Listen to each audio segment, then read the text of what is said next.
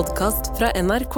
Håkon Vium Lie er informatiker og nettpioner. Han utviklet dataspråket CSS, som revolusjonerte utseendet på internett, og er tidligere teknologidirektør i Opera Software, som utviklet nettleseren Opera. I dag er han prisvinnende eplebonde, aktiv i arkitekturopprøret, og også eier av en fabrikk som bygger kirkeorgler. Dette er Drivkraft med Vegard Larsen i NRK P2.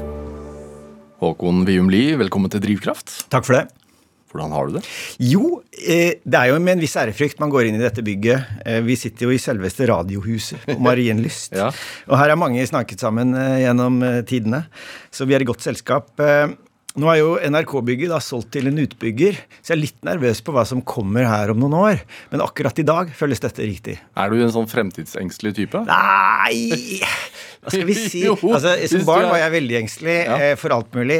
Nå er jeg mer redd fordi jeg har sett en del skrekkeksempler på hva som er blitt bygd i Oslo. da. Hva utbyggere klarer å presse gjennom eh, det som skal være et demokrati. Eh, Gikk vi rett inn i ja, nå Ja, gikk, nå? gikk vi rett inn i arkitekturopprøret. Og jeg har jo også sett, bare for å fortsette bitte lite grann der, da, de nye tegningene til NRK-bygget eh, på, på Etterstad, er det vel. Ja. Det ser ut som et sånt romskip som har landet der borte. Jeg er ikke helt overbevist. Kanskje man må ta en runde til i designboksen. Men er ikke det kult, da, for en fyr som er opptatt av teknologi og design og nye, nye ting? Jeg er nok kanskje litt mer tradisjonell. Noe av det jeg har gjort på typografi på skjermer, som vi kanskje kommer til å snakke litt om, er jo å prøve å få gjennomslag for det klassiske innenfor typografien også. Og ta med seg det vi har lært gjennom 500 år. Fra Gutenberg lagde denne fantastiske maskinen. Alt vi har lært om fonter og farger og, og, og marginer, typografi generelt, det må vi ta med oss videre. da. Og Det samme gjelder jo bygningene våre. De bygningene, de områdene i Oslo som folk trives best. Og dette har vi gode meningsmålinger på. Eh, drøyt sett 70 av innbyggerne foretrekker jo tradisjonsorienterte bygg. Det betyr jo ikke at vi ikke skal ha toalett og innlagt strøm, men, men, men vi liker ornamenter, vi liker detaljer. Og det virker som om en generasjon arkitekter har glemt akkurat det. da. Ja, Hva er rollen din i det arkitekturopprøret, egentlig? Nei, vi er ikke så veldig formelle der. Eh, Du det er- deler ut en pris. Ja da, vi deler ut. Jeg er prisutdeler, kan du si. Hvis du skal gi meg en tittel der, så Ja. er jeg prisutdeler på scenen, og jeg syns er veldig, veldig gøy. Vi prøver jo å blande der litt humor. Vi å, pleier å ha med noen fagpersoner som snakker vettugt. Og så deler vi ut av denne fryktede Grøss-medaljen, som går til det styggeste nybygget i Norge i forrige år. Hvilke gikk det i sist? Eh, Det gikk til Moxi, Moxie, Hotell Moxie i Tromsø. Som er ganske fælt, altså. Men, men dette går da rent på estetisk sans? Altså Ja. det, det man syns sjæl ser fint og ikke fint ut? Ja, men det er jo ikke vi, det er ikke vi som organiserer, som bestemmer. da. Det, dette er jo en, en pris som da stemmes over. Og vi har 10 000 mennesker der ute som stemte over dette, og, og Moxie vant ganske klart i år. Tidligere har det gått til Munch-museet i Oslo. Eh, og så har vi også da en pris som går til det vakreste bygget. Eh, vi, har, vi vi ønsker jo ikke bare å være negative og, og, og, og sure. Vi ønsker også å se at yay, det er mulig å gjøre. Vi kan faktisk bruke disse designprogrammene våre til å lage noe som er vakkert, noe som passer inn. Hva var flottest i fjor, da? Eh, det var ramme, For ett år siden var det Ramme gård, eh, hvor Petter Olsen har bygd et fantastisk anlegg. Og år, brukt litt over en milliard på å pusse opp? han har brukt mye penger på det. Eh, det, det. Man trenger ikke å bruke så mye penger for å bygge vakkert, altså. Eh, En gjør ikke det. Og i, det i år, det siste, var et, eh, et bygg i Oslo sentrum som bare passet så veldig vakkert inn sammen med eh, de kvartalsbyggene rundt det. Ja. Ligger det litt sånn i i din natur å si ifra hvis du syns noe er gærent? Det, det, det tror jeg er riktig. Eh, en må si fra. Samtidig så kan du ikke klage på alt her i verden. Det fins mange frustrasjoner, så jeg prøver å prioritere frustrasjonene. da. Ja. Men dette med arkitektur og at ikke innbyggerne ble hørt Det står jo i, i lover og plan- og bygningsloven og alt at medvirkning skal være en, en, en viktig komponent av denne prosessen da, som fører til nybygg. Men i praksis har det vist seg veldig vanskelig å få gjennomslag for det. Eh, man klarer noen ganger å stoppe noen bygg, men det å få, eh, få bygd noe vakkert eh, har, vist, har vist seg vanskelig. Det har, dette skjedde jo noe med arkitekturstanden sånn rundt 1920. Vi har liksom ikke klart å bygge ordentlige byer siden 1920. Før det gjorde vi jo veldig mye bra, sånn som Torshov og Grünerløkka. Frogner er jo fantastiske eksempler i Oslo. Du har jo andre byer. Eh, har jo også eh, Halden, hvor jeg kommer fra, ikke minst.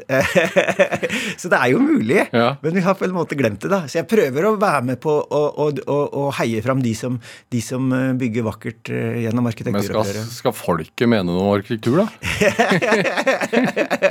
Ja, folket med tjukke L skal mene noe om arkitektur. Ja. Det skal vi absolutt. Og der har jo også internett vært en demokratiserende kraft. da, At man har faktisk gjort det mulig både å samles og diskutere disse temaene på en åpen og fri måte, og også organisere dette med avstemninger som ikke ville vært gjort ellers. Var det derfor du forelsket deg i internett i første omgang?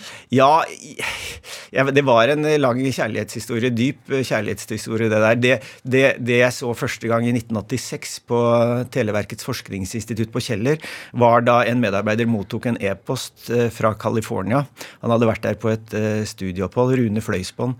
Da var jeg ikke ansatt der, eh, men da jeg så den komme inn, skjønte jeg at dette har jeg lyst til å være med på, og jeg søkte umiddelbart jobb der. Og ble tatt inn, eh, og, og, og, og, hadde det fantastisk. Det var et av de få stedene på 80-tallet Ja. som hadde internett. Det var første gang du så en e-post komme? Det var i 1986. Wow. Hva tenkte du, hva, Hvorfor var det så enormt? Det var jo altså bare det, det var jo en helt annen verden, ikke sant? Vi kunne jo ringe eh, langdistanse. Men det å ringe utenlands var veldig dyrt. Det, kommunikasjon var vanskelig. Vi hadde jo Faks? papir jo, jo, ikke sant. Faksen var jo der. Men det, det å få en sånn umiddelbart i løpet av noen sekunder få på en skjerm, se meldingen som et annet menneske skrev der. ikke sant? For det, ikke, det handler jo ikke bare om teknologi og maskiner og kalde ting. Dette handler jo også om menneskelig kommunikasjon. Ja. Og det å kunne holde kontakten på den måten, det var fascinerende. Dette er Drivkraft med Vegard Larsen i NRK P2. Og i dag er eh, informatiker eh, og nettpioner Håkon Vium Lie her hos meg i Drivkraft på NRK P2. Eh, Eplebondedelen av deg, da? Hvor kommer dette her inn? Ja, det ligger kanskje i genene. Jeg har jo en, en småbrukerfar fra Sotra. Han Men de hadde ikke epler der ute. Det var for tøft klima der. Eh, Epler skal jo ha litt varme og greier. Lenger inne i Hardanger er det jo fint. Men Du har vokst opp i Halden. Jeg vokste opp i Halden, og det, der, hadde vi epletrær. eh, Og vi hadde også på søndagsmiddager, husker jeg, eh, da jeg vokste opp, så fikk vi Da åpnet vi en flaske sånn Askim eplemost. Mhm. Det husker jeg også godt. Ja, du husker de godt, ikke Ja. sant? Askim var en stor produsent i Østfold, og er det fortsatt. Og de lagde jo, og lager fortsatt, veldig god most. Eh, og det var en liten sånn seremoni, det å åpne denne fine flasken. Det var kanskje to flasker til og med på søndagsmiddagen. Så, så jeg har veldig gode eh, minner om det, å åpne vakre flasker. Og også syns jeg det smaker veldig godt. Jeg syns eplemost er noe av det fineste man kan drikke her i verden. Og Norge har et fantastisk klima for å dyrke epler. Det gjelder mange store deler av landet, ikke minst det lille småbruket som heter Solli. Som du driver. Som jeg driver. Og jeg har planta eh, 800 trær, vel, eh, i mitt liv. Eh, nå er jo ikke, Det høres kanskje mye ut, men moderne epletrær er jo ganske annerledes enn de store, gamle. Eh, vi klatrer jo ikke i trærne lenger. Dette plantes som en vingård med sånne rader nedover. Og det har litt av den samme estetikken også, som en vingård. Som må beskjæres ofte De må for at skal holde den høyden. Ja, de må Nei, altså røttene de, de er, de er et, et epletre er jo to komponenter. Det er en rot, og, og så er det en gren. Og disse podes sammen. Så det er en konstruksjon. Og hvis man poder på en riktig type rot, som da er eh, eh, dvergvoksende, eller dvergtrær, kaller vi det, da blir ikke epletrærne så store. Så du må beskjære, men du trenger ikke beskjære så mye som det kanskje høres ut som. Når var det du tok over den gården? Jeg kjøpte det småbruket i 2011. Ja, Hvorfor det? Nei, altså det dukka opp øh, Det var en kompis som sa at liksom øh, Håkon, du har vel snakket om noen sånne drømmer øh, noen ganger. Her er et lite småbruk til salgs. Og det kosta jo ikke mer enn en liten ettrom på Marienlyst, liksom. Det er jo ikke store penger. øh, øh, Men det, kostnaden ligger jo i tid. At du faktisk da må sette deg inn i prøve å forstå. Hvordan så det ut da? Nei, da så det ganske nedkjørt ut. Det var ikke drevet på mange år. Det var jo ikke noe drift der. Det var ikke noe, det var ikke noe eh, planta. Så jeg måtte liksom eh, ta til å kjøpe traktor og pløye og lære om drenering. Og så måtte jeg restaurere huset. Så det har vært en prosess. Ja, du sier jeg, altså har du vært hands on? Har du gjort det? Ja, jeg, jeg er ganske hands on på det. Nå har jeg jo med familie. Jeg har jo en kvinne og barn og sånt som hjelper til. Eh, de syns det er veldig gøy å, å kjøre litt sånn familieprosjekt. Det er jo sånn gårder i Norge har vært drevet. Man må jo liksom ha med seg noen. Ja, Men dere bor her? Altså, Ja, vi dere bor, i, Oslo? vi bor i Oslo, vi gjør det. Ja. Det. Det går veldig fint å kjøre ned eh, til, til Østfold, som du vet. Ja. Eh, men, eh, men det å være med hands on er veldig viktig. Altså, du må, er en, denne seremonien når du planter et nytt tre, liksom, det er ganske, nesten en hellig handling. Eh, altså må du da bare sørge for at disse ulumskhetene, disse smådjevlene, disse, disse, disse jordrottene ikke spiser treet. Ja. Nå er vi i februar. Hva, hvor er vi da i årshjulet i forhold til Da, eplegården? vi, da, nærmer vi oss, eh, da nærmer vi oss beskjæring av epletrærne. Så jeg skal ned så fort det blir sol, så skal jeg ned til Østfold og beskjære Ja. trær. Det er ganske fint, altså. Men selvvalgt da, at du er med på det? Ja, ja, ja. ja. Hvorfor gjør du det? Nei, men det, det er jo bare så herlig å gå ute og beskjære epletrær. Det fins ikke noe bedre her i verden enn det. Særlig når du har sol på snø mens du beskjærer. Det er liksom wow. Så veit jeg at du driver med sånn geriljaplanting i- rundt omkring i storbyen òg. Ja, det gjør vi faktisk. Vi har jo noen epletrær igjen eh, noen ganger. Jeg bestiller litt ekstra, kanskje, for å ha litt. eh, Og jeg syns jo det gir mening å plante epletrær eh, litt rundt om. Og Hvor, for eksempel? Altså, Ja, nei, altså- er det lov, dette her? ja, altså det er nok, vi er nok litt på grensen av loven, så vi gjør det litt sånn på kveldstid. Eh, og vi planter, vi planter ikke i private hager, f.eks.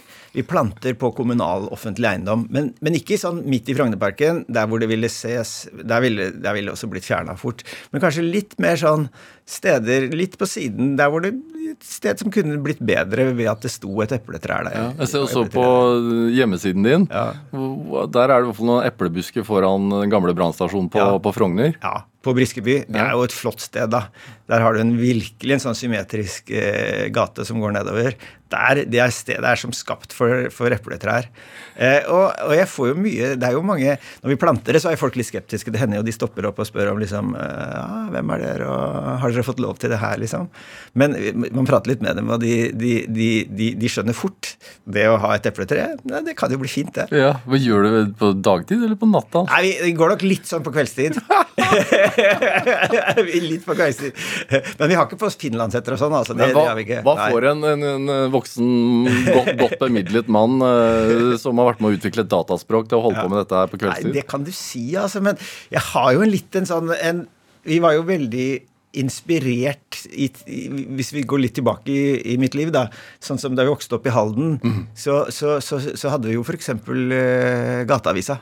Eh, den leste vi. Anarkistavisen? ja, anarkistavisen Gateavisa, som da ble portrettert i Makta, den siste episoden, hvor de da analyserer eh, søpla til, til eh, Kåre og Gro. Og det er jo mye humor. Eh, det er litt alvor også, men det er også mye humor i den typen aktivisme, da. Og det er jo humor i å plante epletrær på kveldstid. Det er jo kjempegøy. Men det gir mening òg. Altså, vi lever jo ikke av datamaskiner her i landet. Vi kan ikke spise disse laptopene eller disse e-postene eller disse Facebook-postingene. Vi må faktisk produsere mat. Hvis vi ikke klarer å holde matproduksjonen oppe. Og jeg skal ikke si at eplemos du kan liksom ikke overleve på det, da, men det er et visst bidrag til å produsere kalorier. Eh, vi har et fantastisk klima for å produsere epler, og vi klarer faktisk også å produsere korn. Eh, og det er grunnlaget for at vi har en sivilisasjon her oppe. Ja, du, og ep- Eplemosten din eh, er jo prisvinnende nå, så du har jo fått det til. Ja da, den er prisvinnende. Det er jo en tøff konkurranse her vet du, mellom eh, disse forskjellige områdene. Vi har jo sterke kandidater i Sogn og Hardanger og Gvarv og Lier. Men så har liksom Østfold blitt et sånt nytt eh, eplefylke, da. Hva er hemmeligheten? Nei, det er litt flatere, så det er litt lettere å plante, plante trær der.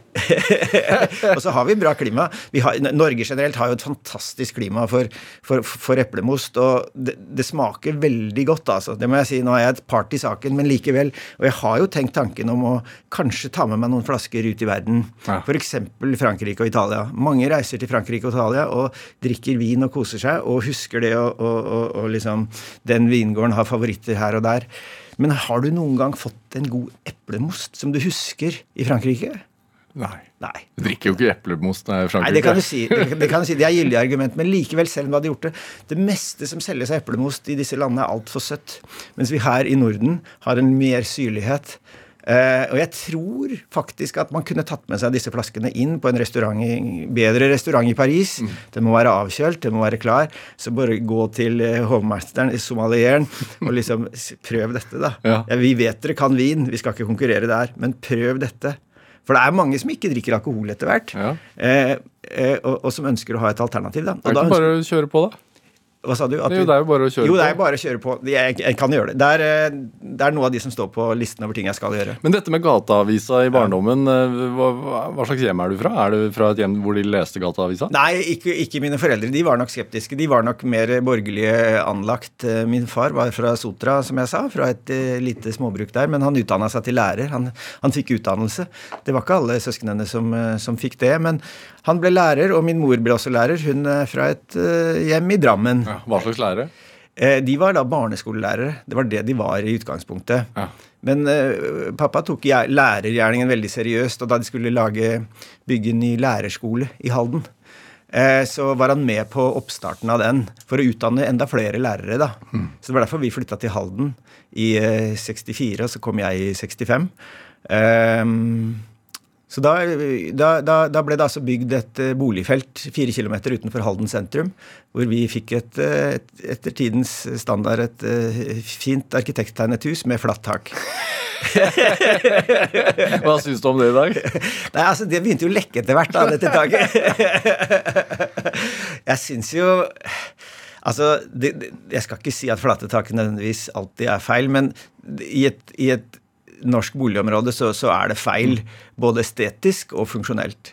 Så jeg, jeg skjønner ikke helt at uh, de valgte det. Det hadde jo vært mye mer interessant, syns jeg, da, i ettertid, dersom de hadde uh, kanskje funnet et, et fint trehus i Halden sentrum. For var du, hva var du interessert i? Du var ikke interessert i arkitektur så tidlig, kanskje? Nei, det var nok mer Lego. Jeg kom nok inn til dette også via Lego. At jeg bygde veldig mye med legoklasser. Jeg var litt engstelig som barn. Eh, likte ikke å gå ut så mye mer. Det var ikke sånn fotball... Eh, eh, det var mer i en sånn akademisk, eh, men også en Lego-retning, da. Å kunne sette sammen disse klossene til å bli fine ting. Så jeg skulle jo bli arkitekt. Det var jo liksom det jeg tenkte på meg selv som. Ja. Eh, Men i Lego så er det enklere å bygge flate tak vet du, enn å bygge sånne fine skråtak og greier. Engstelig for hva? Jeg var engstelig for, um, for det meste. Uh, Jeg leste ganske mye. Jeg leste mye tidlig. Leste mye Det Beste. Hva er det for noe? du husker Det Nei. Beste? Nei, du husker ikke det. De er kanskje litt for ung. Eh, Det Beste var en sånn um, eh, månedlig magasin, kanskje ukentlig, eh, som kom med artikler fra hele verden, hvor de samlet sammen.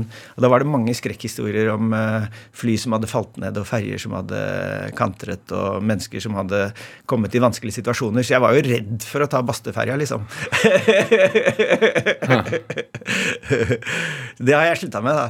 Men den engstelsen, har den også hatt sin, sine fordeler? Altså det at du var mye inne og mye, leste mye og bygde mye og Ja, de kan nok, kan nok se det sånn at, at det førte meg inn i en bokverden mer enn en eh, men, eh, men den forsvant ganske fort, altså, så jeg skal ikke tillegge for mye vekt eh, på den engstelsen. Sosialt, da? Sosialt var jeg vel sånn middels. Jeg var eh, Jeg ble med i Speideren. Det var liksom istedenfor fotballen. Så jeg ble, jeg ble vel Det var vel pappa som dytta meg inn der, men det ble et veldig viktig fellesskap eh, for meg. Og vi hadde jo vi hadde jo eh, selvfølgelig speiderting som man skal gjøre, men vi hadde også en ganske engasjert speiderleder som var politisk eh, radikal, vil man kanskje si. Han stemte vel SV, så våre foreldre var litt skeptiske til denne mannen. Men han ble jo en person som har vært med på å forme mitt liv, og, og han tok jo også med fordi i 1978, da, da jeg var 13 år, så var det en stor kamp i Halden om sjøbodene. Sjøbodene er to gamle bygg som ligger i havna i Halden.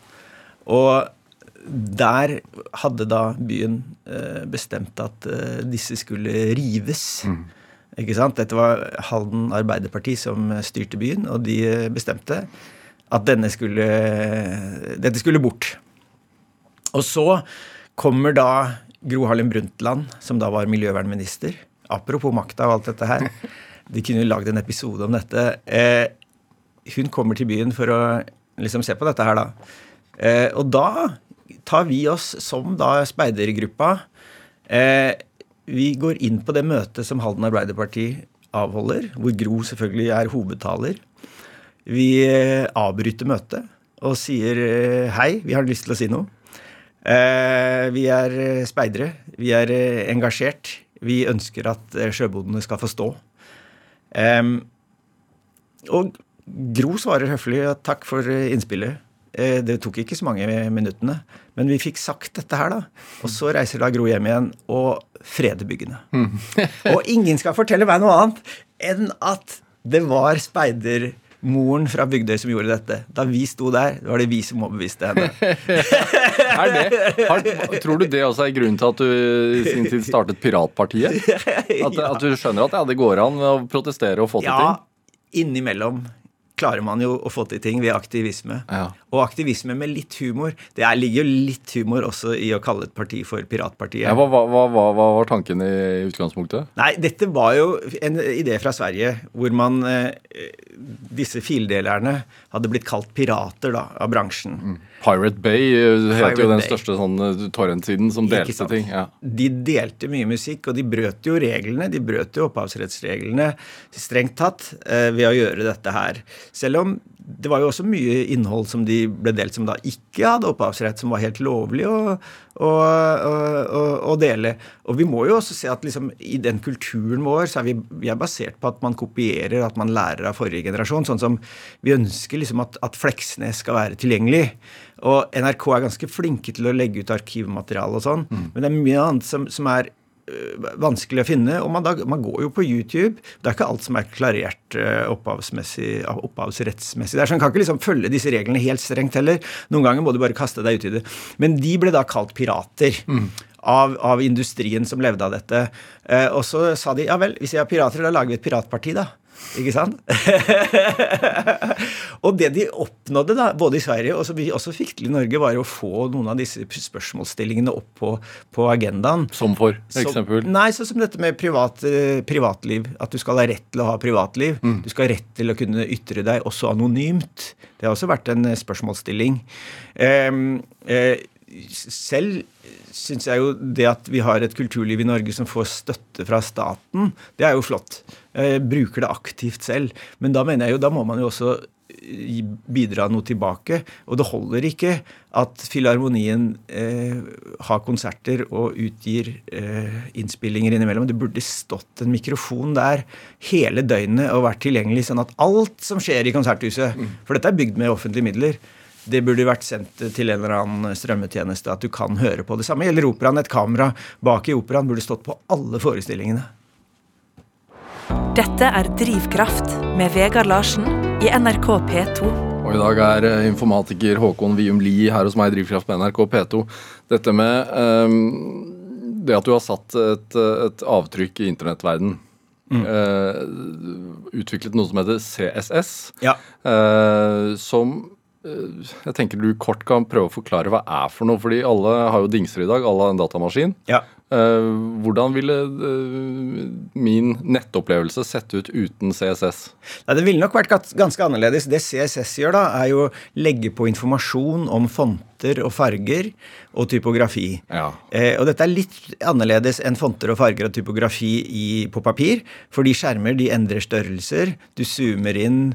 Du, du har mer eh, kontroll over det du, du ser. Eller bør i hvert fall ha mer kontroll over det du ser. ville sett ut mer som et rent sånn tekstdokument med én type skrift. Og Ja. en- ja. Det, det er helt riktig. Da, da, vi, da vi kom, da vi oppdaget internett og, og weben i 1990, 90, Weben kom i 1994. Det var da vi eh, eh, virkelig begynte å bruke dette. Og da Og du har jobbet det, sammen med webens far. Ja, jeg gjorde det. På, på CERN, som da dette, dette fysikklaboratoriet i Genéve, som utviklet eh, World Wide Web eh, fra 91. Og da, da jeg kom dit i 1994, da var det fortsatt bare grå bakgrunn. Det var tekst på grå bakgrunn, ikke sant? Du kunne ikke engang endre det til sort på hvitt bakgrunn. Du var liksom tvunget inn i verden. Vi syntes jo dette var fantastisk, fordi vi kunne klikke på en lenke, og vi kunne bli tatt til et helt annet sted i verden. Ja, men også grå bakgrunn. Også grå bakgrunn der, ikke sant? Men det at det dokumentet kom fra en datamaskin et annet sted i verden, det, det var jo fascinerende. Men estetisk var det en ganske dårlig opplevelse. Hvorfor havnet du der? Jeg havnet der fordi jeg var fascinert av mulighetene som denne teknologien ga. Det å kunne dele informasjon med andre i andre verdensdeler i nærmest sann tid. Og også lage bibliotek her. Min mor var jo lærer, som jeg sa, men hun var også bibliotekar etter hvert. Så det ligger også et sterkt gen i meg å, samle og katalogisere informasjon. Mm. Så og, og, internett var fantastisk til det. Og de første sidene, der samlet man og katalogiserte, og man hadde lister og, og greier. Men det så jo ikke ut. Altså, det var et sterilt design. Det var lagd av vitenskapsmenn. Det var ikke lagd av kunstnere. Hvem, Denne gjengen du traff der på Seiren da den ja. gang, hvem var der? Eh, hvem var deg? Ja, hvem var der? Hvem, hvem, var, der? hvem var, den gjengen? Hvem var den gjengen? Altså, det var Tim Berners-Lee var han som, han som uh, utviklet dette. Han hadde de grunnleggende ideene. Uh, han var engelsk uh, vitenskapsmann. god programmerer. men han hadde ikke tid til å gjøre det estetiske. Uh, han, det manglet egentlig da han hadde gjort basis, dette med at du kunne få dokumenter til å flytte seg. Så ble han opptatt med helt andre ting. Fordi, og han som har fått æren for at World Wide Web er Det er riktig. Ja. Så vi delte, vi delte kontor der.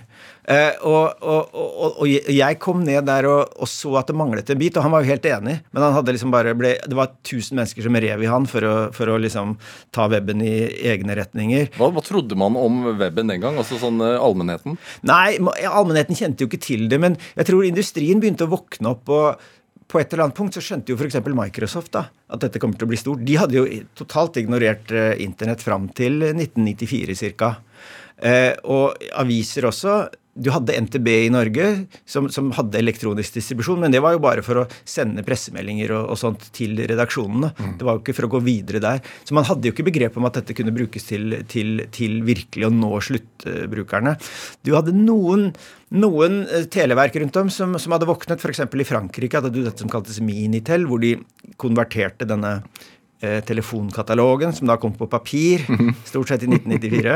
Du husker den? Ja. den ble, ble, ble, sendt i terminal. Alle, alle, i Frankrike fikk en sånn terminal hjemme. Eh, så de kunne slå opp i telefonkatalogen. Så du så noen, noen spor. Vi hadde jo også tekst-TV. NRK Tekst-TV. Husker du den? Ja, ja. den lever fremdeles. er den der? Ja da. så du, det, og det var en måte å distribuere nyheter og, og sånt på en digital måte. Men likevel, det var weben som endra dette, hvor du så at du virkelig kunne, kunne, kunne eh, nå ut til, til, mange fra en, en, en PC. Og vi, vi, så jo at PC-ene ble mindre, vi fikk bærbar etter hvert, og vi ante konturene av mobiltelefoner også. Ja, Men det var jo ikke brukervennlig Nei, i noe særlig grad? Det var, det var det overhodet ikke. Det gikk treigt, og det så veldig dårlig ut. Ja. Men vi visste at det kom til å kom til å bli bedre. og Vi, vi, vi ønsket at de standardene som, som, ligger i bunnen da, Hvis du liksom åpner panseret på en webside, hvis du lukker opp der og ser hva som ligger under, mm. så finner du kode. Og vi visste at vi måtte ha en verktøykasse for å lage den koden. Og den verktøykassa må være oppdatert. Det holder ikke å ha sort tekst på grå bakgrunn hele tiden. Det, det må åpne den panseret på nettsida, holdt jeg på å si. Ja.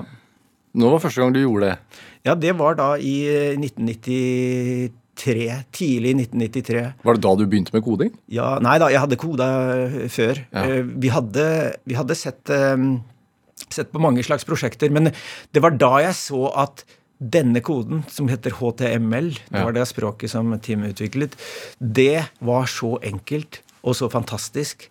Eh, at alle kunne skrive det, egentlig. Hvis du hadde bitte lite databakgrunn, så kunne du lage websider. Eh, og det var da jeg skjønte at wow, dette kommer til å endre verden. Og det var da jeg søkte meg til Cern for å jobbe med Tim. Eh, og for å utvikle det språket som mangla. Fordi informasjonen, den var der. Den kunne vi kode opp. Men du manglet det estetiske, da. Ja. Og du ønsker ikke å leve i en verden hvor alt ser grått og miserabelt ut. Ikke sant? Du ønsker å ha en viss eh, innflytelse da, ja. om, om, de omgivelsene du omgir deg med. Og det var da du utviklet, eller var med å utvikle CSS? da? Ja, altså Jeg foreslo CSS som språk. Eh, det var jeg alene som gjorde. Og så var det jo mange som også så at yes, dette, dette trenger vi jo. Skjønner, man, skjønner vi i Norge egentlig hvor stort det er?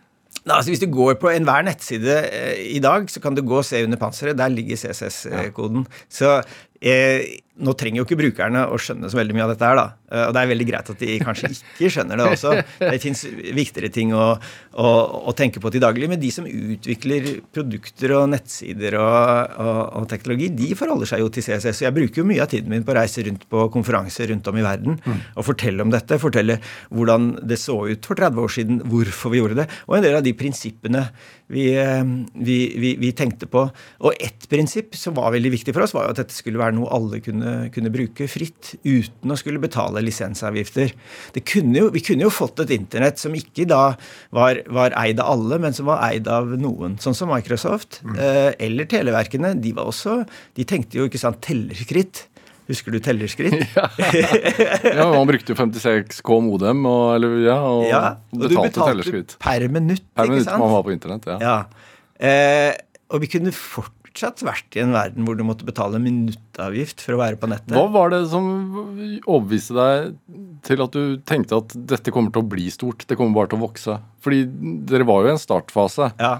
Hvorfor trodde, hadde du sånn troa på at den retningen kom bare til å eksplodere? Altså, jeg, jeg, bare så at det var så enkelt å sette opp. Uh, for deg, ja, selvfølgelig, som kunne kode og Jo, men, men, du trengte ikke å være programmerer heller. Du trengte ikke å være veldig høyt utdannet. Det var så enkelt. Jeg, jeg, så det tidlig fordi vi hadde tilgang til disse systemene, men jeg så at nettsider, det kan nesten enhver skrive, altså. Og det, det, endrer helt hvordan uh, publiseringsindustrien fungerer. Ja. Det demokratiserer hele verden når alle kan publisere informasjon. Uh, så har det jo ikke gått akkurat sånn som vi trodde heller, da. Vi har jo fått en del sånne siloer hvor, hvor veldig mye av informasjonen legges. Facebook og Google og, og, disse store som jo på en måte prøver å monopolisere og kommersialisere og, og leve av det. Mm. Eh, hvordan, ja, hvordan ser du på internett i dag? Hvordan vil du beskrive internett i dag? Det er, det er, en veldig kompleks verden, eh, og veldig mange bruker veldig mye tid. Alt vi gjør, nesten. ikke sant? Eh, bare du skal forholde deg til offentlig myndighet Norge, du må på nettet, du, du går dit for å kommunisere. Det er, det er jo blitt så, så så viktig. Og mange bruker nok kanskje litt for mye tid på det også. Eh, sånn, Vi ser jo dette med unga, ikke sant? at de blir skjermavhengige. Har du dårlig samvittighet? Eh, nei, fordi, fordi, jeg tror vi kommer ut i pluss alt i alt. Fordi du har prosjekter som Wikipedia, da, ja. som veier opp for veldig mye av dette her. Du har vært med på å gjøre at video kan vises enklere ja. på nettsider? Ja, ja, ja. Det var også, for det, alt var Takk for det, si. jo, videoelementet i HTML var det jeg som foreslo. Og det, eh, det er jo en naturlig utvikling. så Det er liksom ikke jeg som, det var jo ikke bare jeg som tenkte på dette. Men det å, det å sette seg ned og bli enige om dette, en standard for dette, det er viktig. Og den standarden skal ikke eies av noen. Det er ikke noen som skal kreve å ha egen eh, liksom, Ta lisensavgifter og, og, og, og kalle deg pirat dersom du bruker videoelementet. Det skal eies av alle. Så jeg var veldig opptatt av dette med å, å jobbe fram dette i et fellesskap mm. på en måte som gjorde at alle kunne være med og skrive dette. Det er jo, uh, Du har tatt en del bilder eh, fra du kom inn i bygget her. Ja. Og Da har du hatt telefonen din oppe, og jeg har sett at du har cash bak på telefonen din. Ja, det er helt, det er helt riktig. Ja. Du er observant. Jeg har med meg alltid cash. Jeg prøver å betale med kontanter. Ja. Det er også fordi jeg tror at internett det er veldig viktig, men hvis det krasjer da, hva skjer da da? Og hvis det krasjer i Norge, så kommer alle betalingsterminalene til å gå ned. Eh, hva skal vi gjøre som samfunn da hvis vi ikke har et alternativt system? I dag har vi fortsatt det. Vi kan betale med kontanter. Du blir sett litt rart på når du kommer med kontanter i kassa, ja, ja. men det vrir jeg til noe positivt. Da sier jeg bare liksom Ja, jeg er litt gammeldags, jeg, vet du. Eller, har du sett denne? Har du sett Vikingskipet på 100, ja. 100-kronerseddelen? Det er jo et fantastisk vakkert uh, bilde. Kommer ikke så langt med 100 kroner, da. Nei, det gjør ikke det. Du må ha en del sånne Jeg har lomma full av disse, da. Ja, men... Hvor rik blir man av å utvikle CSS? Hva sa du, hvor rik? Blir man av å utvikle CSS? Om man blir Blir man rik av det? Rik og rik? Nei, nei, det blir man ikke. Eh, det gjør man absolutt ikke. Jeg har ikke tjent noe på kunne, det er ikke noe opphavsrett eller eh, lisensavgifter der. Eh, og det var poenget å ikke ha det. Hvis jeg hadde krevd lisensavgifter, så hadde jo ingen brukt det heller. Så sånn sett hadde det jo ikke vært noe suksess. Det er mye morsommere at, at, at folk tar det i bruk. Det det jeg har tjent penger på, er jo å starte bedrifter eh, sånn som i Opera, da, ja. Eh, som ble en suksess. Vi fikk mange brukere. Vi gikk på børs i Oslo i 2004. Og en gang eh, i hvert fall den, den største nettleseren på, på mobiltelefonen. Ja, det er, det er, riktig. De var vel de som var pionerer når det gjaldt å få internett på mobilen. Ja. Og nå står det faktisk i Valdemar Tranes gate i Oslo, der Opera holdt til, sammen med Trolltech, et annet firma, der står det at her ble internett på mobil utviklet.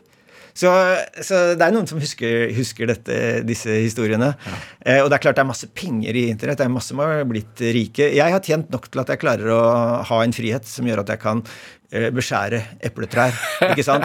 Når sola kommer, så kan jeg være der. Jeg har ikke noe kontor jeg må gå på. Men hva er sannsynligheten for at internett skal knekke, da? Altså Det sies at du kan ta ned internett i Norge med én binders.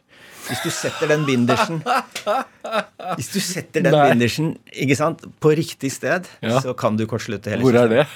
ikke sant? Hvor er det? Ja. Eh, jeg har noen eh, mistanker der, men eh, nå er det nok noen som også har begynt å tenke på dette her, at dette er veldig sårbart. Men er det såpass sårbart?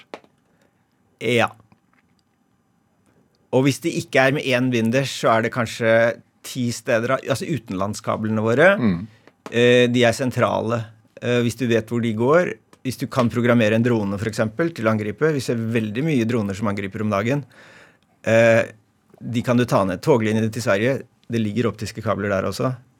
Eh, hvis du et målrettet angrep mot norsk infrastruktur mm. vil kunne ta ned internett i Norge. Og da står vi der. Da står vi uten betalingssystemer. Eh, vi står uten kommunikasjonsmuligheter.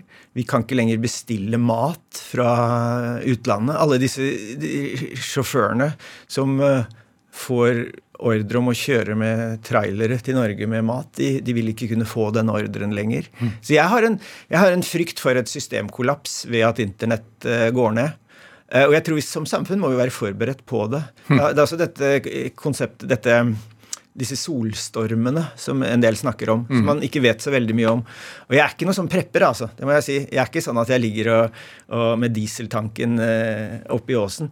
Men jeg tror vi skal være, vi skal være forberedt på at dette, denne teknologiske verdenen som vi lever i, er ganske skjør. Ja. Og det kan bli tatt ned. Så vi må fortsette å gjøre ting vi må produsere mat, vi må produsere barn, vi må eh, ta vare på husene våre. Vi kan ikke flytte inn i PC-en. Men Elon Musk har sendt opp masse sånne satellitter da, som forsyner oss med internett? Det er riktig, det. Starlink ja. er eh, et, et, fint system. Men da er det han som styrer det, da? Ja, det kan du si. Eh, nå har det også vært ja, flere satellittprosjekter. Da. Så jeg, jeg, tror ikke egentlig monopolismen er den verste fienden der. Men satellitter kan også tas ned. Det, det, ser man, det, ser man, etter hvert eh, muligheter for. Ja. Syns du vi er naive? Nei, hva skal vi si? Ja? Altså, Naiv er feil ord, men jeg, jeg, jeg, føler det burde være mer bevissthet om f.eks. dette med, med, betalingsmidler. da. Det at man liksom bare dropper cash. Det, det syns jeg er veldig trist. For det første, det er en estetisk opplevelse å bruke sedler. Eh, det er også en iboende eh, personvern i det. det. Banken får ikke vite at du kjøper smør, liksom. Eh, og, og ja. Og, og, det har en resilience. Um, det er et engelsk ord. Det har en motstandskraft. da, ja. At det vil funke selv om, selv om nettet går ned. Så det er, det er, flere gode grunner.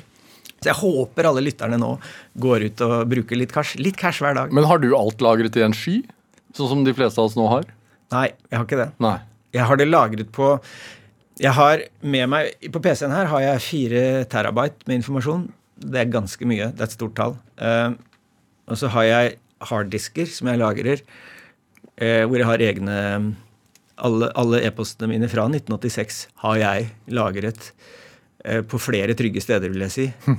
Eh, og de harddiskene må jo kopieres jevnlig, for de vil jo dø etter hvert, de også. Mm. Så jeg er ganske bevisst på å ta med meg informasjon og ikke overlate til en skyløsning. For du vet ikke hvor lenge disse skymenneskene er der. Eh, store firmaer har gått har blitt borte tidligere. Ja. Det er mange som har mistet mye data på internett fordi de stolte på en leverandør, f.eks. MySpace, stort ord ikke sant, i 1998, mm. borte i dag. Mm. Eh, så en må være bevisst. Hva skjer, hva skjer, når Facebook forsvinner? Mister du alle vennene dine, liksom? Ja? det kan jo ikke være sånn. Vi kan ikke gjøre oss så avhengig av, av, disse enkeltleverandørene. Så vi må ha litt bevissthet rundt det der og, og, og passe på dataene. Jeg legger en harddisk nede i kjelleren, ja, altså. Både fordi det er, det er et annet sted, mm. og fordi eh, ja, solstormer jeg, vet, jeg, kan ikke nok om tema, det temaet egentlig til å eh, snakke som en autoritet på det. Men jeg tror det er greit å ha flere kopier liggende litt forskjellig rundt om. Printer ut bilder og sånn også? Nei. Nei. Håkon Wiemli, vi skal spille litt musikk. Uh, når vi først snakker om uh, det å gå tilbake i tid, så skal vi ha et uh, tema fra Jurassic Park. Yes. hvorfor dette her? Jurassic Park er en fantastisk film som hadde jo dette, dette temaet med, med, DNA og, og, og forske i data. det var jo innmari stort. Det var de første som virkelig klarte å visualisere hva som kanskje kan være muligheten der. da. Ja. Og, men vi skal høre en litt spesiell innspilling her. Skal vi ta den? Ja, vi tar den først. Nei, Fortell hva vi skal høre. Ja, Vi skal altså høre en orgelversjon av dette. Dette er en litt sånn orgelstjerna, Anna Lapwood, som uh, spiller mye uh, både gammel musikk, men også ny musikk. Dette er jo relativt nytt. Det er jo John Williams fra 90-tallet. Og hun tar for seg dette og, og, og gjør gjør det til noe litt annet på et orgel. Mm. Men akkurat dette temaet fra Jurassic Park det er så mektig, og det sitter så dypt inni meg at når du får dette på et orgel som jo er en vegg av lyd Hun spiller dette i Royal Albert Hall. Fantastisk musikk. Eh, fantastisk eh, instrument i et fantastisk bygning. Eh, det er fantastisk å høre på. Ja, og dette er Vi har tatt det fra YouTube, men du har jo tatt kontakt du, for, for å få godkjennelse. på at du skal få spille. ja, ja. Jeg kunne jo vært pirat, men det ville ikke sluppet gjennom hos NRK. Nei, jeg tok kontakt med Anna Lapwood, og hun ga tillatelse til dette.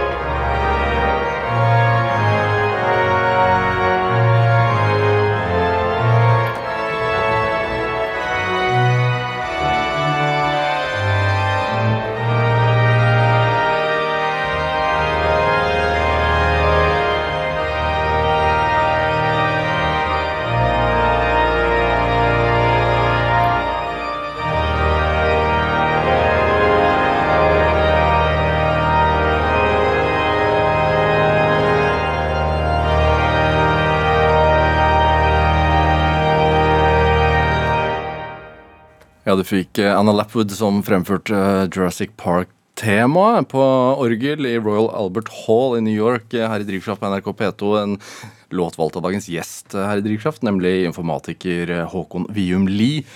Dette med orgel, for du, du, du eier ikke bare en eplegård, du har kjøpt en orgelfabrikk også?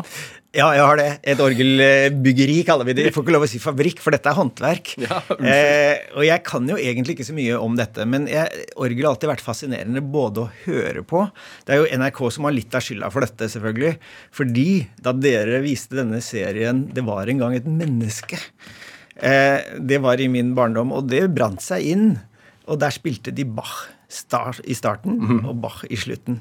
Denne superhiten eh, Toccata eh, og fuge i d-moll. Eh, så har jeg da alltid hatt en interesse for orgelmusikk, og også orgel som instrument, for det er en ganske kompleks maskin.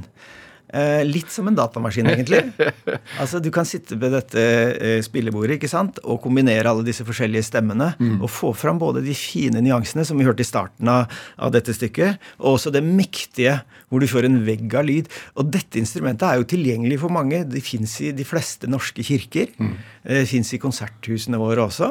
Eh, og vi har jo også gode mennesker i Norge som Nils Henrik Asheim, som gjør fantastiske ting med orgelet i Stavanger konserthus. Som da eh, vi som orgelbygger i Ryde og Berg i Fredrikstad har bygd. Vi har også bygd orgelet i Oslo domkirke som er veldig veldig viktig i norsk eh, kontekst. Det er der alle de store begravelsene foregår. Det er jo fantastisk å finne på. Jeg vet at det var en tilfeldighet at du skrev på nettsiden ja. din sånn 'Jeg har lyst til å bygge et orgel', ja. og så var det noen som tok kontakt med deg sånn 'Du, du kan få kjøpe denne' Ja, det var litt sånn. Det var sånn Jeg skrev, jeg skrev jo det, for jeg, har, jeg liker altså det å lage ting litt sånn fra legoverdenen, ikke sant? Og det å lage ting i tre, det er, lukter godt og du har interessante maskiner. Men jeg, jeg, er jo ikke spesialist der. Det er mest at jeg liker å, å se på. Jeg, jeg, hadde en ambisjon om å bygge et orgel selv, men jeg skjønner jo nå, når jeg jobber sammen med gutta som faktisk bygger orgel, at det å bygge orgel er et håndverk. Ja. Eh, du kan lære det, men det er en del voodoo der inne også. Du må liksom ha Du må felle treet på nymånen og sånn. Det, det, er sånne ting. så, så, så, så, det er håndverk og, og, og kunst, men å være med på å bevare den kulturen. Og, og, sørge for at det kommer nye orgel inn i norske kirker. Og sørge for at de som vi allerede har der, blir vedlikeholdt. At de er stemt, at de fungerer ja. når din datter skal giftes, liksom. Det er en del ordførere i Norge som, som, tenker på. Og vi har mange flinke organister som også spiller og bruker disse instrumentene. Hva er det som får deg til å gjøre disse prosjektene? Fordi Er det sånn at du blir interessert i noe, og så går ja. du all in, holdt jeg på å si? Ja, jeg kan ikke si all in, for jeg fortsetter jo veldig mye andre ting nå. Men jeg har en, en, frihetsgrad som gjør at jeg kan studere og prøve å lære.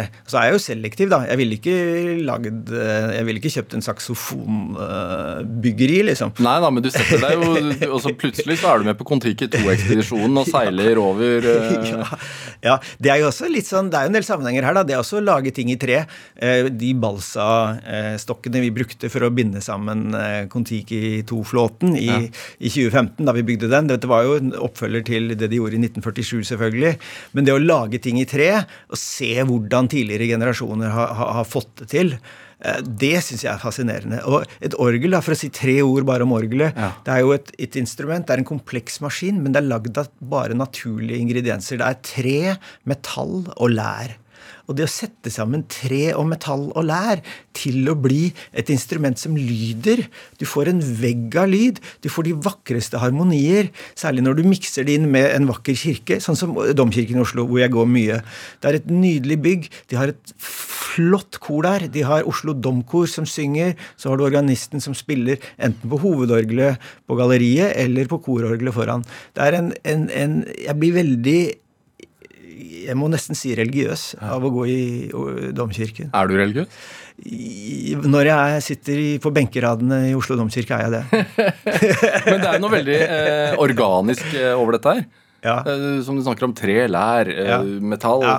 Veldig, veldig, veldig taktilt. Mo, mo, en motsats til den digitale verdenen din, da? Ja, det kan, det kan du si. Eh, men jeg tror altså, vi må ha både et digitalt liv og vi må ha et fysisk liv framover. Vi kan ikke leve bare av bits alene. Ville du blitt programmerer i dag? Eh, godt spørsmål. Eh, jeg tror DNA-delen Hvis du hørte Jurassic Park Jeg tror jeg ville blitt informatiker på en eller annen måte. Det å studere DNA ville kanskje vært noe jeg ville øh, gjort nå. For der skjer det spennende ting. Det kommer til å endre vår oppfattelse både av historien, hvem som har bodd dette, i, i, dette landet her, og hvordan menneskeheten kommer til å utvikle seg framover. Ja, du også driver du og legger ut øh, og er i kamp med lovdata og legger ut øh, dommer og sånn på internett? ja, det er riktig, det. Dette med å ha tilgang til informasjon er veldig viktig. Jeg nevnte Wikipedia, som har gitt veldig mange mennesker tilgang til informasjon. I Norge er det i ett datasett vi ønsker å ha tilgang til, som burde være helt basis, så er det norske lover.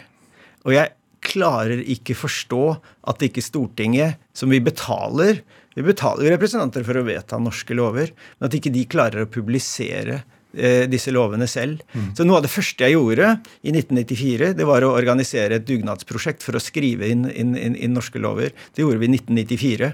Eh, da klarer man jo ikke å holde følge med det, da, særlig når det kommer alle disse, disse eh, EU-lovene som, som, dukker opp. De som i Norge publiserer dette, er jo Lovdata. Mm. Eh, som er en stiftelse som ble opprettet av Justisdepartementet. eh, Og som har mange store offentlige organer i styret. Stortinget sitter der, Advokatforeningen, Universitetet i Oslo. Så det er i prinsippet offentlige midler som publiserer offentlige dokumenter. Det er ikke opphavsrett på Norges lover. Men likevel så har altså Lovdata klart å vri seg til, sånn at de i prinsippet, i praksis, vil jeg si, i praksis har de enerett på å publisere norske lover. Og det vi ser nå, da, en konflikt hvor det ikke er mulig å opprette en norsk AI-robot. Ikke sant? AI-robotene, det skjer mye på AI-roboter. Eller KI, som vi kaller det. i KI kaller vi det på norsk Ja. eh, på NRK. Det å lage en, en KI-robot som har tilgang til norske lover for å kunne gi deg veiledning, eh, det får man ikke til fordi Lovdata nekter, eh, nekter deg å laste ned lovene. Ja, sånt irriterer deg. Sånt irriterer meg veldig. Og det må vi få en slutt på. Heldigvis det er en ny generasjon med stortingsrepresentanter som kanskje er mer bevisste på det, som er vokst opp med internett også, som ser dette. Så jeg har tro på at vi skal eh, vinne denne kampen. Er det anarkisten i deg som, Ja. som Ja, det, du kan si det er anarkisme litt, men det er, jo, det er jo lovene vi prøver å publisere. da. Du har jo gått i tog for DVD, Jon, vet jeg, og Ja, jeg prøver liksom å bruke en del sånne verktøy som, som, som er Det å gå i 1. mai-tog, det er jo en flott opplevelse. Ja. Det er jo noe av det fineste vi har. Arbeiderbevegelsen og alt dette her. Men du må jo få inn noe fornying der, da. Så da, da DVD-Jon, han som da ble tiltalt for å ha lagd programvare for å kopiere egne DVD-er. Sikkerhetskopiere egne DVD-er. Eh, det, det, det, da han ble tiltalt av Økokrim, ikke bare én gang, men to ganger, da måtte vi ty til nye ting. Og det å gå i, i eh, eh, 1. mai-tog sammen med eh, sånne kjemper som Trond Øgrim, f.eks., som også ble sånn dataentusiast på sine gamle dager, det var ganske stort. Så en må, må ta i bruk dette spekteret av verktøy som vi har her i landet, og også bruke litt humor, da. For vi hadde liksom spikra opp et keyboard på denne plakaten vår, og eh, Økokrim, slutt å plage DVD. Jo, altså, du får ikke gjennom Du vinner jo ikke kampen på det der, men du har det ganske gøy underveis, da. Hvordan er, hvordan er livet ditt eh, sånn ellers, Viumli? Altså, hva, hva starter du dagen med å sjekke mobiltelefonen og alle nettaviser? og... Ja, altså For det første så sover jeg uten eh, Jeg sover uten vekkerklokke. Ja, Det er en sånn luksus jeg har i livet. hvor, hvor- hvorfor det? Det er fordi søvn tror jeg er veldig viktig. Det å, å, å kunne våkne naturlig. eh, det er veldig bra. Jeg, hadde, jeg må innrømme jeg hadde vekkerklokke i dag for å være sikker på at jeg nådde fram hit. Men handler det også om økonomisk frihet på et vis? Det, det kan du si. Altså, jeg trenger ikke å være på et kontor. Eh, Det er veldig deilig å slippe. Men jeg har jo PC-en liggende på senga, og jeg tar fram den. da. Jeg bruker den heller enn mobil. Den har litt større skjerm og har litt mer eh, Jeg taster fortere på en eh, PC, så jeg bruker, bruker det. Jeg har den jo med meg her som en sånn trygghet eh, ved siden av meg. Men har du en sånn fast rutine hvor du går først på Ja. nettavisene, og så på Facebook, og så på Nei, jeg sjekker e-posten min først Ja. og ser hva som har kommet der gjennom, gjennom natta. Så er jeg nok innom nyhetene også. Jeg er jo det. Ja. Men ikke fast rutine. Det kan du ikke si. Nei da. Uh, og jeg er jo mer avhengig av skjermen enn jeg liker å innrømme, kanskje òg, da. Jeg er jo det. Ja. Tenker du sånn ja, her er, dette var pent? Ja. Det, det estetiske er veldig viktig, både på, både på skjermer, hvor jeg føler jeg har vært i stand til å bidra på en måte. Samtidig så ser jeg at den verktøykassa vi lagde, den brukes jo feil av veldig mange steder. Da. Det er jo mye, mye ræl der ute, så jeg irriterer meg jo mye. Men så er det de gode tingene, og du kan jo velge, du står litt fritt, ikke sant. Ja. Eh, og så er det jo å prøve å også ha et fysisk eh, liv og, og, og treffe mennesker og ha et eh, familie, ikke sant, familierelasjoner. Alle de tingene som bør være en del av et uh, rikt og fullt liv, Ja. må man jo ha. Jeg vet du er glad i kostymefester. Det er jeg veldig glad i. Jeg er veldig glad i å gå på operaballet. Det er noe av det morsomste man gjør i det? Norge om vinteren. Operaballet er en, eh, i utgangspunktet et studentball eh, som ble drevet eh, fra langt tilbake av. Eh, og så ble det gjenopptatt i 1991. Det var vel da dødsåret for Mozart. At man eh, skulle feire dette. Og, og, og siden da har det vært en tradisjon i Oslo at man tar på seg kostymer. Og man eh, hører klassisk musikk, og man danser til klassisk musikk. Hvem er på dette ballet? Nei, masse mennesker. eh, Mye studenter, men også litt eldre etter hvert, sånn Ja. som meg. Eh, og vi prøver å få med de som liksom liker det å kle på seg. Man kan dra opp til Norsk Film for eksempel, og leie kostymer. Det er jo kjempegøy. De har jo så mye fint der oppe. og, så, og så kan man ta på seg dette.